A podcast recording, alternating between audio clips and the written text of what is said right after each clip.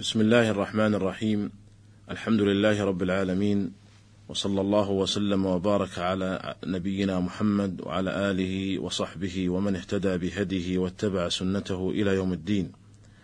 ايها الاخوه المستمعون السلام عليكم ورحمه الله وبركاته. كنا قد تكلمنا في الحلقة السابقه عن جمله من المسائل والاحكام المتعلقه بالقرض. ووعدنا باستكمال الحديث عنها في هذه الحلقة. وسوف نتناول في هذه الحلقة الكلام مفصلا عن حكم الزيادة في القرض ونذكر بعض الصور المعاصرة لها. فنقول يحرم على المقرض أن يشترط على المقترض زيادة في القرض. وقد أجمع العلماء على أنه إذا شرط عليه زيادة فأخذها فهو ربا. وذلك لأن القرض من عقود الإرفاق والإحسان، فإذا خرج عن موضوعه وأصبح يراد به المعاوضة والربح كان ربا.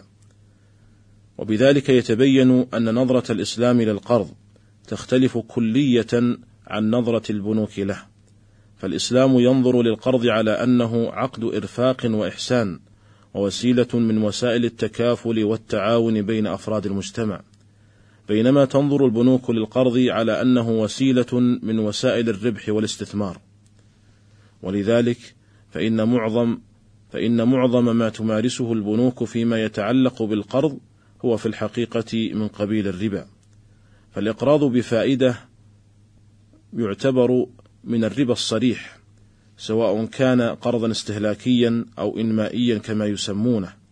فلا يجوز للمقرض سواء كان بنكا أو فردا أو شركة أن يأخذ زيادة في القرض مشترطة بأي اسم سميت هذه الزيادة، سواء سميت ربحا أو فائدة أو هدية أو عمولة أو غير ذلك، ما دام أن هذه الزيادة أو هذه المنفعة قد جاءت عن طريق المشارطة.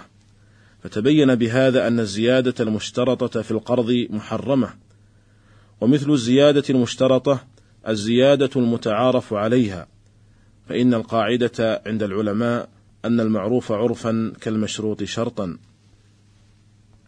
أما إذا كانت الزيادة غير مشترطة ولا متعارف عليها، بل بذلها المقترض من نفسه وبدافع منه بدون اشتراط من المقرض فلا بأس بذلك، فإن هذا يعتبر من حسن القضاء.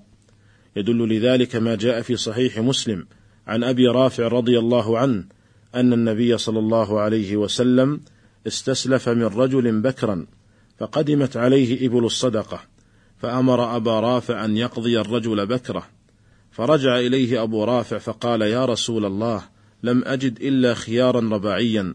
فقال النبي صلى الله عليه وسلم أعطه فإن خير الناس أحسنهم قضاء. ففي هذا الحديث استسلف النبي صلى الله عليه وسلم من ذلك الرجل بعيرا ورد إليه بعيرا خيرا منه. وهذه الزيادة الحاصلة في هذا القرض قد وقعت من غير اشتراط ولذلك عدها النبي صلى الله عليه وسلم من حسن القضاء. ولكن إذا كان الرجل معروفا بحسن القضاء فهل يكره إقراضه لأجل أن من يقرضه ربما يتطلع إلى إلى الزيادة عند الوفاء. كره بعض العلماء إقراضه والصواب أنه لا يكره إقراضه لأن النبي صلى الله عليه وسلم كان معروفا بحسن القضاء ولا يسوغ لأحد أن يقول إن إقراضه مكروه ولأن المعروف بحسن القضاء هو من خير الناس وأفضلهم وهو أولى الناس بقضاء حاجته وإجابة مسألته وتفريج كربته. ولكن هذه الزيادة غير المشترطة في القرض إنما تجوز بعد الوفاء، أما قبل ألو... أما قبل وفاء القرض فإنها لا تجوز مطلقا ولو على سبيل الهدية، إلا أن تكون العادة جارية بينهما قبل القرض. يدل لذلك ما جاء في سنن ابن ماجه عن أنس رضي الله عنه مرفوعا: إذا أقرض أحدكم قرضا فأهدي إليه فلا يقبله فإنه ربا. وله شواهد منها ما جاء في صحيح البخاري عن عبد الله بن سلام رضي الله عنه قال: إذا كان لك على رجل دين فأهدى إليك حملة ابن أو حمل شعير أو حمل قت فلا تأخذه فإنه ربا. وهذا له حكم الرفع. وروى البيهقي أن رجلا كان له على آخر عشرون درهما فجعل يهدي إليه السمك ويقومه حتى بلغ ثلاثة عشر درهما. فسأل ابن عباس رضي الله عنهما عن ذلك فقال أعطه سبعة دراهم. والحاصل أن من أقرض غيره قرضا فلا يجوز له أن يقبل هدية من المقترض قبل وفاء ذلك القرض مطلقا إذا كانت تلك الهدية بسبب ذلك القرض. ولو استضاف المقترض المقرض قبل وفاء ذلك القرض. فقد نص الإمام أحمد رحمه الله على أنه يحسب له ما أكله أي أن المقترض يحسب ما أنفقه في تلك الاستضافة ويخصم ذلك من القرض. وقال ابن مفلح في الفروع يتوجه ألا يحسب يتوجه ألا يحسب ذلك يتوجه أنه لا يحتسب ذلك.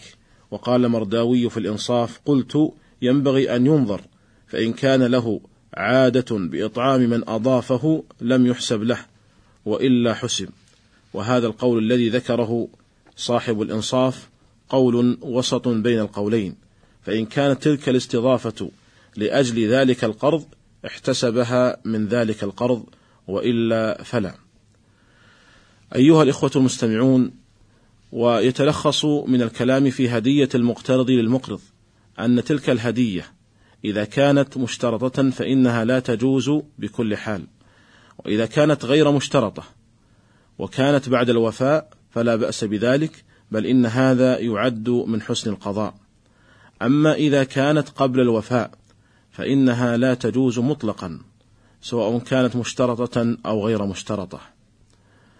وبذلك يتبين أن ما تفعله بعض البنوك من إهداء هدايا لعملائها نظير أرص وجود أرصدتهم نظير وجود أرصدتهم لديها أن هذا لا يجوز لأن تلك البنوك ما أهدت تلك الهدايا لسواد عيونهم كما يقال وإنما أهدت تلك الهدايا لهؤلاء العملاء بسبب وجود تلك الأرصدة فيها فيدخل هذا فيما ذكرنا. أيها الإخوة المستمعون ونذكر صورا من صور الزيادة المحرمة في القرض. فمن ذلك تعجيل رواتب الموظفين قبل حلولها نظير أخذ عمولة على ذلك. مثال ذلك موظف يحل راتبه في آخر الشهر فذهب إلى بنك أو إلى مؤسسة مالية لكي تعجل له صرف راتبه في أول الشهر أو في منتصف الشهر نظير اقتطاع تلك المؤسسة أو البنك عمولة من راتبه على ذلك فهذا في الحقيقة ما هو إلا قرض بفائدة فكأن ذلك البنك أو تلك المؤسسة قد أقرضت هذا الموظف ما يعادل راتبه نظير فائدة وهي ما تسمى بالعمولة. ومن صور ذلك أيضا وضع شرط جزائي على الدين كأن يشترط الدائن على المدين بأنه إذا لم يسدد في الوقت المحدد فإنه سيأخذ عليه مبلغا ماليا مقابل التأخر عن السداد. وهذا في الحقيقة هو نظير ربا الجاهلية والذي يقول فيه الدائن للمدين عند حلول الدين إما أن تقضي وإما أن تربي. ويدخل في هذا ما تفعله بعض البنوك في بطاقات الائتمان كبطاقة الفيزا ونحوها حيث يشترطون على حامل البطاقة دفع فوائد ربوية إذا لم يسدد خلال فترة السماح المجانية. فهذا في الحقيقة هو نظير ربا الجاهلية الذي يقول فيه الدائن للمدين عند حلول الدين إما أن تقضي وإما أن تربي. ومن ذلك أيضا خصم الأوراق التجارية كأن يأتي حامل الكمبيالة التي لا تحل إلا بعد أجل إلى بنك أو إلى مؤسسة ويطلب منه تعجيل صرف قيمتها مخصوما منه مبلغا معينا. هذا في الحقيقة ما هو إلا قرض بفائدة فكأن ذلك البنك قد أقرض حامل الورقة التجارية قيمتها إلى حين حلول ميعاد استحقاقها بفائدة وهي المبلغ المخصوم من قيمة الورقة.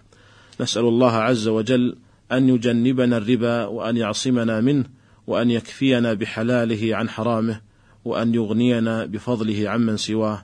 وإلى لقاء في حلقة قادمة إن شاء الله. والسلام عليكم ورحمة الله وبركاته.